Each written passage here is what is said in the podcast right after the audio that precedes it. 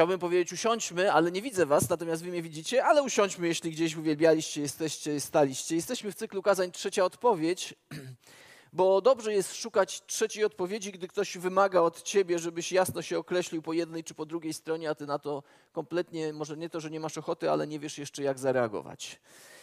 I to dzisiejsze moje przesłanie zatytułowałem sobie na gorącym uczynku. Czy ktoś złapał cię kiedyś na gorącym uczynku? Może to było przed Bożym Narodzeniem, już niedługo będziemy je wspominać, jeszcze nie wiem w jakiej formie, ale będziemy wspominać Narodzenie Chrystusa. I wiedziałeś, że gdzieś w domu ukryte są prezenty, zacząłeś czy zaczęłaś tych prezentów szukać i naraz mama albo tata patrzy, a ty odkryłeś to, co miałeś odkryć za jakiś czas. Czy zdarzyło ci się, że ktoś zaskoczył cię w momencie, kiedy robiłeś coś źle? Albo w niewłaściwy sposób. Miałeś tego świadomość i naraz wszystko wyszło e, na światło dzienne. Czy ktoś przyłapał cię, kiedy grzeszysz? Czy ktoś wyciągnął twój błąd publicznie i chciał, żeby ludzie cię osądzili? Prawda, że to trudne i straszne rzeczy, to bardzo trudne doświadczenie. Wtedy nie wiadomo, co powiedzieć, bo ma się to poczucie wstydu, ma się to poczucie, że prawda wyszła na jaw i nie wiadomo, co dalej. Oczywiście można kłamać w zaparte, ale prędzej czy później prawda objawi sytuację, w jakiej się znaleźliśmy. Jesteśmy wtedy oskarżeni, mamy poczucie strachu tego, co będzie dalej i czy ktoś się za mną wstawi.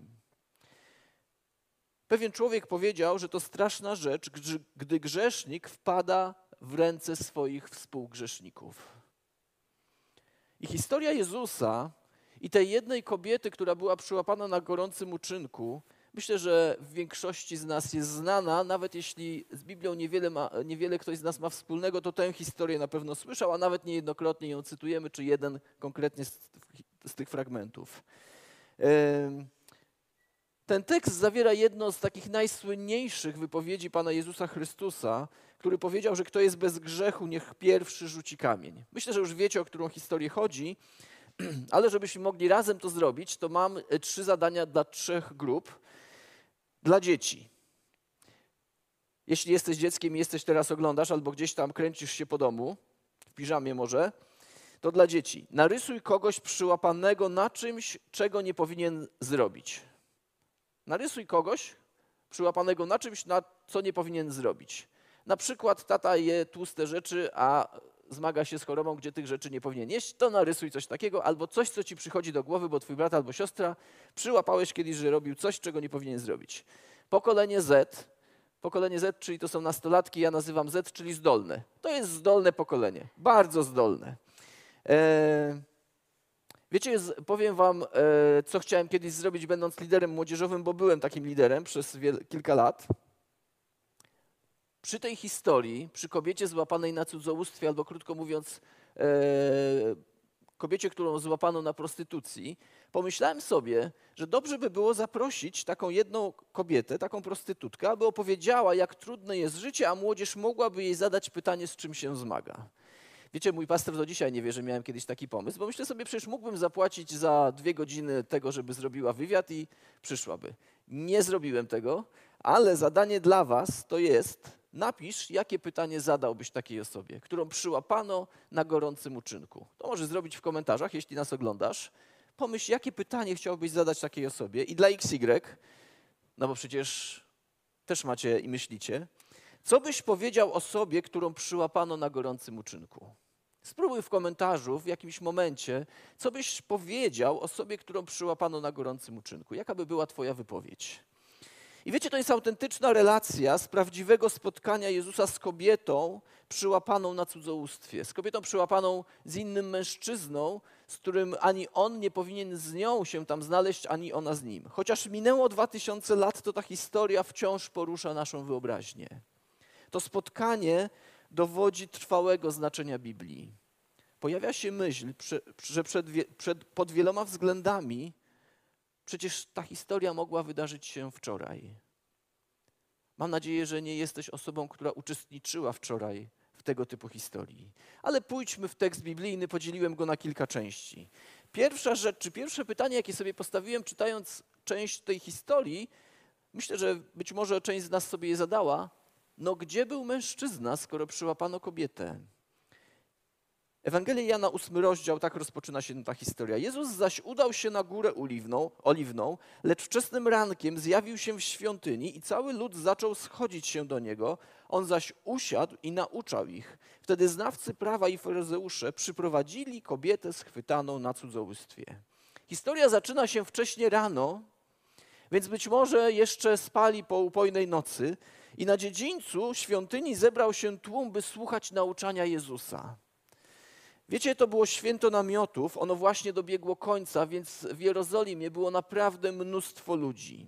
Nadal przebywały tam wielkie tłumy. I Jezus naucza i nagle przerywa mu kilku mężczyzn, mężczyzn, którzy mieli autorytet, w tamtym czasie duchowy autorytet, i przyprowadzają zakłopotaną kobietę, być może w pół ubraną, bo dopiero co wyciągnęli ją z miejsca, e, gdzie była z tym mężczyzną, przepychają się przez tłum i stawiają tę kobietę przed Jezusem, ale też przed tym samym, przed tym całym tłumem. Kim byli ci mężczyźni, którzy ją przyprowadzili? Dlaczego ją przyprowadzili? Wiecie, oni byli nauczycielami prawa i faryzeuszami, ci, którzy mieli autorytet i w pewnym sensie władzę. Byli przywódcami religijnymi narodu żydowskiego. Oznacza to, że byli dobrze wykształceni, dobrze znani, mieli opinię ludzi mądrych i posiadających wysokie standardy moralne. Taką opinię mieli w tamtym środowisku. I jeśli ktoś miał pytanie dotyczące prawa mojżeszowego, dotyczące Tory, to szedł właśnie do nauczycieli, którzy przyprowadzili tę kobietę. Ale ich intencje w tym dniu nie były właściwe.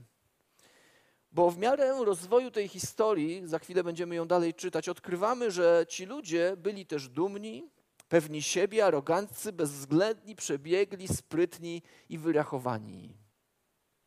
Więc powstają inne pytania, na które możemy sobie odpowiedzieć, ale kim była ta kobieta? Wiecie, oni nawet nie podali jej imienia, nie wiadomo, czy, jej, ją, czy znali to imię, czy nie.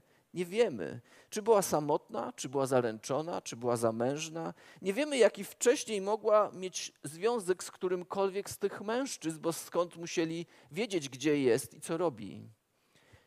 Nie wiemy, czy była młoda, czy w wieku średnim, nie wiemy, czy w ten sposób zarabiała na to, żeby utrzymać w jakiś sposób rodzinę, czy być może jakoś losy życia bądź jej świadomy wybór spowodował, że była w miejscu, w którym była.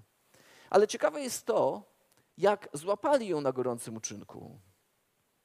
Nie możemy być pewni, ale w tej kwestii prawo rabiniczne było bardzo specyficzne, ponieważ Cudzołóstwo było formalnie przestępstwem grożącym śmiercią. I prawo wymagało, aby każde oskarżenie było zeznaniem naocznym co najmniej dwóch świadków. Więc jeśli ją chcieli przyłapać na gorącym uczynku, to mieli takie reality show, bo musieli ją widzieć albo podglądać, żeby dwóch świadków było naocznych. I to zeznanie musiało być bardziej szczegółowe i precyzyjne. Nie wystarczyło powiedzenie, że widzieliśmy, jak ta kobieta wchodziła z tym mężczyzną do pokoju i potem z nim wychodziła. Musieli to zobaczyć i co najmniej być we dwóch. A to prowadzi nas do kluczowego też pytania, które zadałem na początku. Gdzie naraz zniknął mężczyzna? Bo cudzołóstwo z definicji wymaga dwóch osób. I jest mało prawdopodobne, żeby mężczyzna uciekł, a kobieta nie. Można przypuszczać, tylko przypuszczać, że być może specjalnie namówili mężczyznę, żeby poszedł do tej kobiety, żeby potem można było zadać tak naprawdę pytanie nie kobiecie. Ona była w tym momencie bardzo podmiotowa, bo im chodziło tak naprawdę o to, żeby zrobić szachmat Jezusowi. Ale doprowadzili do cudzołóstwa i najwyraźniej byli skłonni spowodować również morderstwo, bo tej kobiecie groziło morderstwo znaczy na, groziło utrata życia, bo tak wielka była ich nienawiść do Jezusa. Dlaczego ujawili ją publicznie? Nie było takiej potrzeby, mogli osądzić ją sami. Najwyraźniej nie chcieli po prostu jej ukarać, ale działo się tu coś znacznie większego. Przyprowadzili ją jednak przed Jezusa, żeby to On ją oskarżył. Więc druga rzecz, czy drugie stwierdzenie, jakie sobie napisałem, to że Jezus znalazł się w pewnej pułapce. Poczytajmy dalej ten tekst. Postawili ją po środku i powiedzieli do niego: Nauczycielu, tę kobietę schwytano w chwili, gdy cudzołożyła. Mojżesz w prawie nakazał nam takie kamieno, kamieniować. A ty co mówisz? To zaś mówili, by wystawić go na próbę i by mieć powód do oskarżenia go. Wiecie, ci religijni mężczyźni nie mogli jej pomóc, mogli ją tylko potępić. Nie mogli jej dać nowego serca i nowego życia, mogli ją tylko ukamieniować. Nie mogli jej uwolnić od niegodziwości, mogli ją potępiać, ale nie mogli jej uratować. Mogli zniszczyć, ale nie mogli przywrócić jej godności i życia. Dla Żydów cudzołóstwo było strasznym grzechem. Rabini nauczali, że człowiek powinien raczej odebrać sobie życie, niż popełniać bałwochwalstwo, cudzołóstwo czy morderstwo. Tak mówił Stary Testament, tak mówiło prawo mojżeszowe. Więc najprawdopodobniej ta kobieta naprawdę winna była cudzołóstwa. Możemy powiedzieć, że rzeczywiście została złapana na gorącym uczynku zgodnie z prawem mojżeszowym i skazana za poważny grzech. Księga Kapłańska, 20 rozdział i powtórzonego prawa, 22 rozdział. Możemy tam to sprawdzić, nie będziemy teraz tego czytać. Ale przedstawiając tę kobietę Jezusowi, żydowcy, żydowscy przywódcy mieli nadzieję, że zastawili wreszcie pułapkę na Jezusa. Dlaczego? Dlatego, że gdyby odpowiedział, to, jest, to są te dwie odpowiedzi, a Jezus znalazł tu trzecią. Gdyby powiedział, że powinna zostać skazana na śmierć, mógłby być uznany jako buntownik przeciwko władzom Rzymu, ponieważ Żydzi nie mieli prawa wykonywania kary śmierci. Żydzi nie mogli wykonać kary śmierci, więc Jezus był oskarżony przed, e, przed Rzymem czy przed e, cesarzem. Dlatego później w historii Jezusa Piłat musiał zgodzić się na ukrzyżowanie Jezusa, bo Żydzi nie mogli tego zrobić. Gdyby powiedział, że nie powinna być skazana na śmierć, byłoby to pogwałceniem Starego Testamentu i postawiłoby go, by Jezusa w sprzeczności z prawem mojżeszowym. Więc tak czy inaczej miał kłopot, a przynajmniej wszyscy, którzy tam stali, tak myśleli. I to mogło zadziałać w przypadku zwykłego nauczyciela, ale oni mieli do czynienia z Jezusem, z mistrzem, który ma mistrzowskie odpowiedzi. I powinniśmy zauważyć, że ci mężczyźni w ogóle nie dbali o kobietę. W ogóle im o nią nie chodziło. Dla nich jest po prostu tą jakąś tam kobietą. Ona nie jest nawet dla nich osobą, tylko przynętą, by złapać Jezusa. Można by powiedzieć i zapytać, czy czasami nie byłeś albo nie jesteś w takiej sytuacji, że ktoś wykorzystuje ciebie jako osobę, ktoś wykorzystuje to, jakie jesteś płci, ktoś wykorzystuje to, że zaufałeś czy zaufałaś i stoisz być może w wielkim tłumie, czując się oskarżonym czy oskarżoną i nie wiesz, czy za tobą ktoś stanie, czy ktoś cię poprze, czy ktoś cię usłyszy. Przyprowadzili ją, aby oskarżyć Jego, a Jezus niespodziewanie daje im rozwiązanie, którego oni nie mogli przewidzieć. I tą trzecią rzecz zatytułowałem sobie podjęte wyzwanie, albo wyzwanie zostało podjęte. Jezus zaś pochylił się i zaczął pisać palcem po ziemi, mówi dalej ten tekst.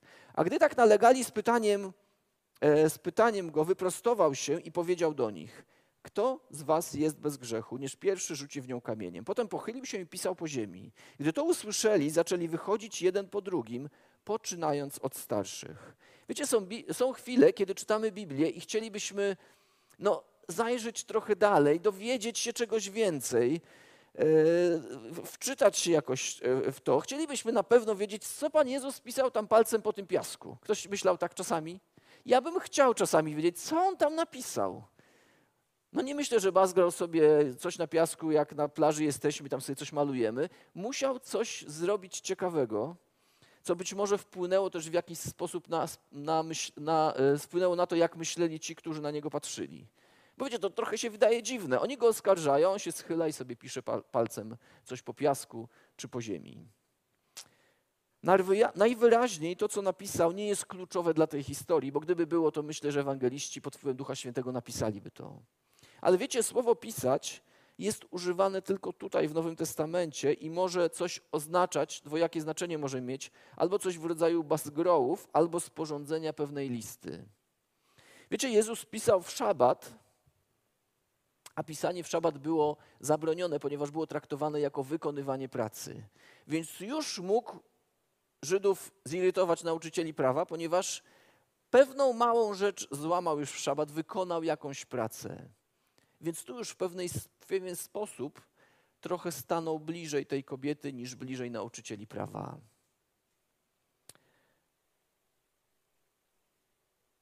Złamał małe prawo żydowskie, żeby pokazać, że nie w samym prawie jest cel, ale w relacji z Bogiem, a prawo miało tylko chronić tę relację, jaka była z Panem Bogiem. Niektórzy myśleli, i jestem, e, moje, moje rozumienie tego jest najbliższe temu, niektórzy mm, myśleli, że napisał czy pisał dziesięć przykazań, żeby przypomnieć ludziom o moich grzechach. Inni ludzie czy interpretatorzy sugerują, że zapisał nazwiska oskarżycieli na podstawie przykazań, które złamali. Na przykład Samuel cudzołóstwo, na przykład Jakub pożądanie i tak dalej, i tak dalej. Więc wypisał grzechy innych. Niektórzy sugerują, mm, że Stary Testament, mm, że zapisał imiona kobiet, z którymi ci mężczyźni, którzy oskarżają go, mogliby też być przyłapani w miejscu, gdzie przed chwilą była ta kobieta. Ale to są tylko domysły, tekst o tym nie mówi. Natomiast najbliższe mi jest to, że Pan Jezus dwukrotnie pisał na ziemi i kiedy byśmy wrócili do historii, kiedy było nadane prawo, to Mojżesz po raz pierwszy wszedł na górę, zszedł z tablicami, ale je roztrzaskał, ponieważ zobaczył, co naród robił, który zostawił na chwilę. Potem wszedł drugi raz i przyniósł tablicę z dziesięcioma przykazaniami. I Pan Jezus dwukrotnie pisał na piasku, pokazując, że On jest wypełnieniem tego prawa. Pisanie na piasku nie jest czymś trwałym. Pisanie na piasku za chwilę zniknie. Więc Jezus być może przez to chciał pokazać, że prawo, które było, ono w Chrystusie zostanie wypełnione i potem będzie inne prawo. Ale te, które zostało nadane Mojżeszowi, ono nie zostanie odwołane, tylko wypełnione w Chrystusie. Ta interpretacja wydaje mi się najbliższa. I potem padają te ważne słowa. Rzucenie pierwszego kamienia. Kto rzuci pierwszy kamieniem? kamieniem? Jeśli ktoś jest z was bez grzechu, niech pierwszy z nią rzuci. Jezus bez wątpienia myśli, bo w Księdze Powtórzonego Prawa e, było napisane, że jeśli złapiemy kogoś e, na grzechu i jest dwóch świadków, to tak naprawdę te osoby, które, e, które złapały, mogą wymierzyć karę i one pierwsze rzucają kamieniem. Karą było śmierci ukamieniowanie. Więc Jezus odwołał się do tego. Żydowcy, żydowscy przywódcy wiedzieli to wszystko, ale słowa Jezusa miały im przypomnieć tylko o tym, że motywy mają znaczenie. Więc powiedział do nich: Zanim podniesiesz ten kamień, dobrze spójrz w lustro, upewnij się, że masz kwalifikacje moralne, żeby skazać tę kobietę na śmierć. Upewnij się, że nie ma w tym złośliwości, że nie ma w tym oszustwa, nieuczciwości. Upewnij się, że sam nie jesteś winien tej zbrodni. Jeśli masz zamiar przestrzegać prawa, zachowaj je w całości, a nie tylko w części. Wiecie, kiedy przywódcy żydowscy to usłyszeli, a ci najstarsi znali najdłużej prawo, to zaczęli po kolei wychodzić i opuszczać to zgromadzenie. Więc kobieta w tej sytuacji, ta kobieta, którą przyprowadzili, wypada lepiej niż ci mężczyźni. Bo oni przyszli ją oskarżyć i ukamieniować, a potem z pochyloną głową czy ze spuszczoną głową musieli wyjść, bo wiedzieli, że prawo tak naprawdę bardziej ich oskarża niż ją. Wiecie, Jezus przez to nie zabraniał osądzania cudzołożników, ale wymagał, aby świadkowie przeciwko kobiecie byli moralnie kwalifikowali się do skazania jej na śmierć. On nigdzie nie powiedział, że cudzołóstwo jest mniejszym grzechem, nie umniejszył go, nigdzie go nie odwołał. Ale kobieta wypadła lepiej niż mężczyźni. Oni chcieli porozmawiać o kobiecie, a Jezus chciał porozmawiać o nich. Więc czasami, jeśli przychodzimy do Pana Boga i chcemy porozmawiać o kimś, to Jezus niejednokrotnie chce najpierw porozmawiać o nas. Bo może się okazać, że nasz stosunek do tej osoby się zmieni. Wiecie, on nie powiedział też, niech zostanie ukamieniowania, ukamieniowana, ale niech pierwszy rzuci ktoś kamień. On nie powiedział, żeby jej nie kamieniować, tylko powiedział, żeby jeśli rzeczywiście tak ją osądzacie, niech ktoś pierwszy rzuci. Wiecie, istnieje ogromna różnica, bo według Jezusa problemem nie była kobieta, tylko jej obłudni oskarżyciele. Chcieli porozmawiać o prawie w odniesieniu do zachowań zewnętrznych, a on chciał z nimi porozmawiać o prawie, ponieważ to dotyczyło ich serc. A, ich, a w ich sercu była nienawiść do tego, do którego ją przyprowadzili. Kobieta niestety była w tej sytuacji tylko narzędziem. Wiecie, nasz Pan widział grzech kobiety i widział ich podstawową hipokryzję, i dla niego większą obrzydliwością była ich hipokryzja niż to, co zrobiła ta kobieta. Nie umniejszając tego grzechu, który ona uczyniła z tym innym mężczyzną. Bo ich grzech był znacznie większy, miał konsekwencje, ponieważ został sformułowany w pobożnej religijności. Użyli Boga Ojca w niebie i Jego prawa, żeby zemścić się na nauczycielu, który był dla nich niewygodny. Przyłapana na cudzołóstwie była bliżej królestwa niż oni, którzy ją przyprowadzili. Więc zaczęli znikać. Gdyby wewnętrzne, taka, taka teraz takie stwierdzenie do mężczyzn, może do kobiet też, ale chyba raczej do mężczyzn. Gdyby wewnętrzne myśli mężczyzny były wypisane na jego czole, nigdy nie zdjąłby kapelusza. Wiecie, że to jest ciekawe? Podobno kobiet też tu słyszę z sali, więc gdyby wewnętrzne myśli kobiety były wypisane na jej czole, nigdy nie zdjęłaby kapelusza. Skończyło się więc tak: chcieli go uwięzić, zostali przez niego uwięzieni. Uwięzieni przez jego moralną czystość, ale też ich hipokryzję. Przyprowadzili ją, aby, ją, aby oskarżyć jego, a Jezus daje im trzecią odpowiedź: Kto jest bez grzechu, niech pierwszy rzuci w nią kamień. Nie spodziewali się takiego rozwiązania sytuacji. I to, co najpiękniejsze w tej historii, na końcu to jest ułaskawienie. Ostatnia część tej historii. Został on sam i kobieta stojąca pośrodku. Został on sam i kobieta stojąca pośrodku. Wiecie, ona nie uciekła. Ona tam stała pewnie ze spuszczoną głową, czekając na śmierć. I naraz został tylko Jezus i ona. Wtedy Jezus wyprostował się i powiedział do niej: Kobieto, gdzie oni są? Nikt cię nie potępił?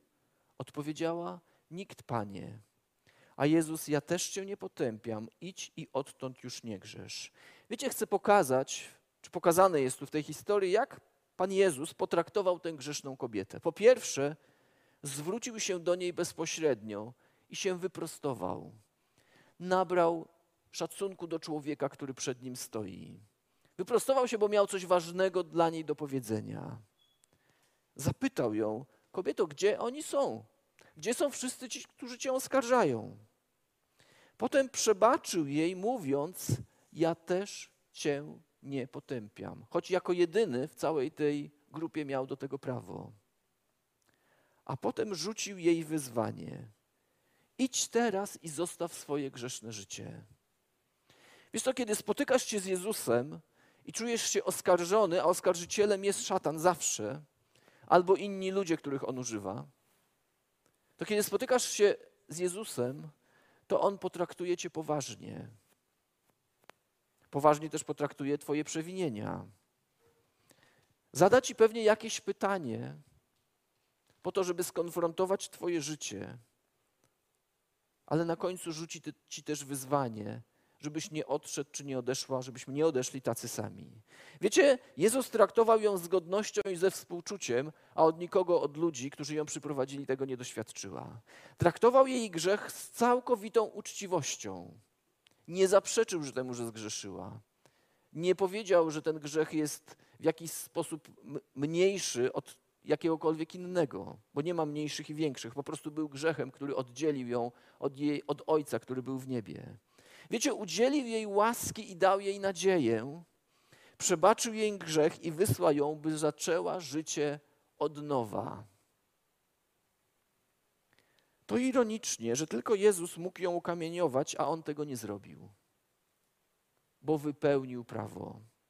Prawo wymagało dwóch świadków śmierci, a przecież Jezus był tam jeden. Świadkowie zniknęli, zarzuty zostały oddalone i kobieta wreszcie stała się wolna. Od oskarżeń, od przeszłości. Myślę, że nie pozostała taką samą. Nie, nie czytamy dalej, nie wiemy, możemy przypuszczać, że gdzieś tam potem pojawiła się w gronie e, wokół Chrystusa, bo myślę, że kiedy spotykamy Chrystusa, to już nie chcemy go nigdy więcej opuścić. Takiego Chrystusa, który stawia się za nami, gdy inni nas oskarżają. Wiecie, i to stwierdzenie kobiety, takie proste by się mogło wydawać, ale ona nie powiedziała nikt, tylko powiedziała nikt, panie. To stwierdzenie to coś więcej niż odrzucenie zarzutów. Nikt, proszę Pana, można by powiedzieć dzisiejszym językiem. To dosłownie nikt, Panie. To jest wyznanie wiary tej kobiety. Ona zobaczyła w Jezusie Pana. Chciała, żeby On był dla niej Panem, bo wreszcie ją potraktował jako człowieka. Nie usprawiedliwia się, ale czeka, a Pan wydaje swój werdykt. W Chrystusie ujrzała mężczyznę, który różnił się od wszystkich mężczyzn, mężczyznę, który traktował ją z łaską, a nie z pogardą. Wreszcie zobaczyła faceta, który spojrzał na nią nie jako na obiekt pożądania, ale spojrzał na nią jako na człowieka, który potrzebuje nadziei i życia od nowa. Dlaczego nie odeszła, kiedy faryzeusze wyszli? Przecież być może mogła odejść, ponieważ wiedziała, że zgrzeszyła i nie próbowała tego ukrywać. Ona wiedziała dokładnie, znała prawo, bo przypomniano jej to pewnie. Jej grzech został już ujawniony. Ufała Chrystusowi, że Chrystus postąpi wobec niej, może jako jedyny wtedy we właściwy sposób. Możemy też ulec pokusie i pomyśleć, a facetowi się upiekło temu, który z nią był. On nie został skonfrontowany, gdzieś tam sobie żył, może nawet nie zapłacił, bo wyciągnęli ją, a może oni jemu zapłacili, więc zyskał tylko na tym. Ale wiecie co? Kiedy grzeszymy, to nigdy nie uchodzi nam na sucho, nawet jeśli nikt tego nie widzi. Bóg to wszystko widział i jego wina będzie mu towarzyszyła na zawsze. Tej kobiecie wybaczono, wreszcie poczuła się i doświadczyła wolności, a mężczyzna pozostanie w poczuciu winy i w oskarżeniach. Ten mężczyzna z tamtej historii. Kobieta poznała Chrystusa, poznała go jako Pana, a on zmienił jej życie. Tym, tym, tymczasem mężczyzna, kimkolwiek był, jest pogrążony w swoim grzechu. Byłoby lepiej, gdyby został zdemaskowany tak jak ta kobieta, bo być może doznałby też łaski i miłosierdzia. I tu stawiam sobie i nam ostatnie pytanie i będę kończył powoli. Gdzie ja jestem w tej historii? Wiecie, chcę powiedzieć, że wszyscy jesteśmy jak ta kobieta. W oczach świętego Boga jesteśmy naprawdę winni. Wszyscy zgrzeszyliśmy, wszyscy zostaliśmy złapani przez Bożą sprawiedliwość i mamy nie tylko dwóch, ale trzech świadków: Bóg Ojciec, Syn Boży i Duch Święty. Oni zaświadczą o tym, że upadliśmy w naszym życiu. Nie możemy wykupić sobie czy siebie z wyjścia z kłopotów i nie możemy zaprzeczyć własnemu stanowi. Gdyby ludzie znali nas lepiej, potępiliby nas jeszcze bardziej. I właśnie tam przesłanie Ewangelii staje się tak potężne. Trzecia odpowiedź Chrystusa, czy to, że Chrystus jest tą odpowiedzią, stawia nas w zupełnie innym świetle. Jezus nie potępił tej kobiety, ponieważ wiedział, że niedługo potem zostanie za nią potępiony, gdy umrze na krzyżu. Jezus został za nią potępiony, umierając na krzyżu, za mnie potępiony, za ciebie potępiony, umierając na krzyżu. Jakiś czas temu natknąłem się na takie powiedzenie: Każdy święty ma przeszłość, a każdy grzesznik ma przyszłość.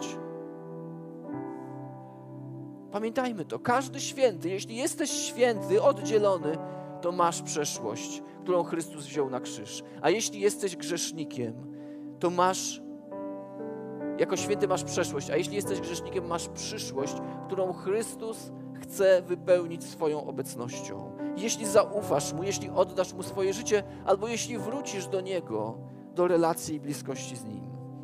Nie zmieniamy się, aby zostać zaakceptowanym, zmieniamy się, ponieważ zostaliśmy przyjęci. Nie musimy zapracować, ale zmieniamy się, bo zostaliśmy przyjęci przez Chrystusa. I gdybym mm, dzisiaj miał namatować portret córki marnotrawnej, portret kobiety, która została odrzucona, to wydaje mi się, że najlepiej oddaje to Ewangelia Jana w pierwszym rozdziale. Albowiem prawo zostało nadane przez Mojżesza, a łaska i prawda przyszły przez Jezusa Chrystusa. Chrystus nie potępia, ale przebacza nasze przewinienia, oddalając oskarżycieli i daje nam polecenie. Mnie i Tobie daje polecenie, które chciałbym, żeby było wypisane na naszych sercach i w naszych myślach. Idź i nie grzesz więcej. Tam, gdzie jesteś teraz, chciałbym się modlić o siebie przede wszystkim, bo potrzebuję Bożej łaski bardziej albo jako pierwszy. Ale chciałbym się też modlić o Ciebie. Może o to, żebyś po raz pierwszy powiedział: Tak, Panie. Albo żebyś powiedział: Nikt mnie nie potępia, Panie. I doświadczył Bożej łaski. Może nie znasz innej modlitwy. Może myślisz sobie, jak mam nawiązać tym czasie, kiedy tak bardzo czuję się albo jestem sam oskarżany przez innych relacje z Tobą. Prostą modlitwą. Nikt, Panie. Albo może odszedłeś, czy od, od Pana Boga. Albo może ktoś przyłapał Cię na gorącym uczynku i wiesz, że jesteś oskarżony i sam czujesz się potępiony. Przyjdź do Chrystusa, a On chce nie zanegować Twojego grzechu, ale On chce, żebyś wrócił i dać Ci życie od nowa. I Panie Boże, dziękujemy Ci za tę historię. Dziękujemy Ci, że to nie jest jakaś historyjka z Biblii z tamtych czasów, ale to jest prawdziwa historia, która dotyczy mojego życia. I Panie, dziękuję Ci, że za każdym razem, kiedy przyłapałeś mnie na gorącym uczynku, nie oskarżyłeś, ale powiedziałeś, żebym przyszedł, a Ty chcesz dać uwolnienie, żebym pokutował z moich grzechów, a Ty chcesz dać przebaczenie. I dzisiaj, Panie, przychodzimy do Ciebie nie jako oskarżyciele, ale jako ci, którzy potrzebują Twojej łaski. I Boże, proszę Cię, żebyśmy mogli jej doświadczyć i nieść tę łaskę innym ludziom. Nie być tymi, którzy oskarżają, ale być tymi, którzy zostawiają kamienie, a dają innym ludziom miłość. Amen.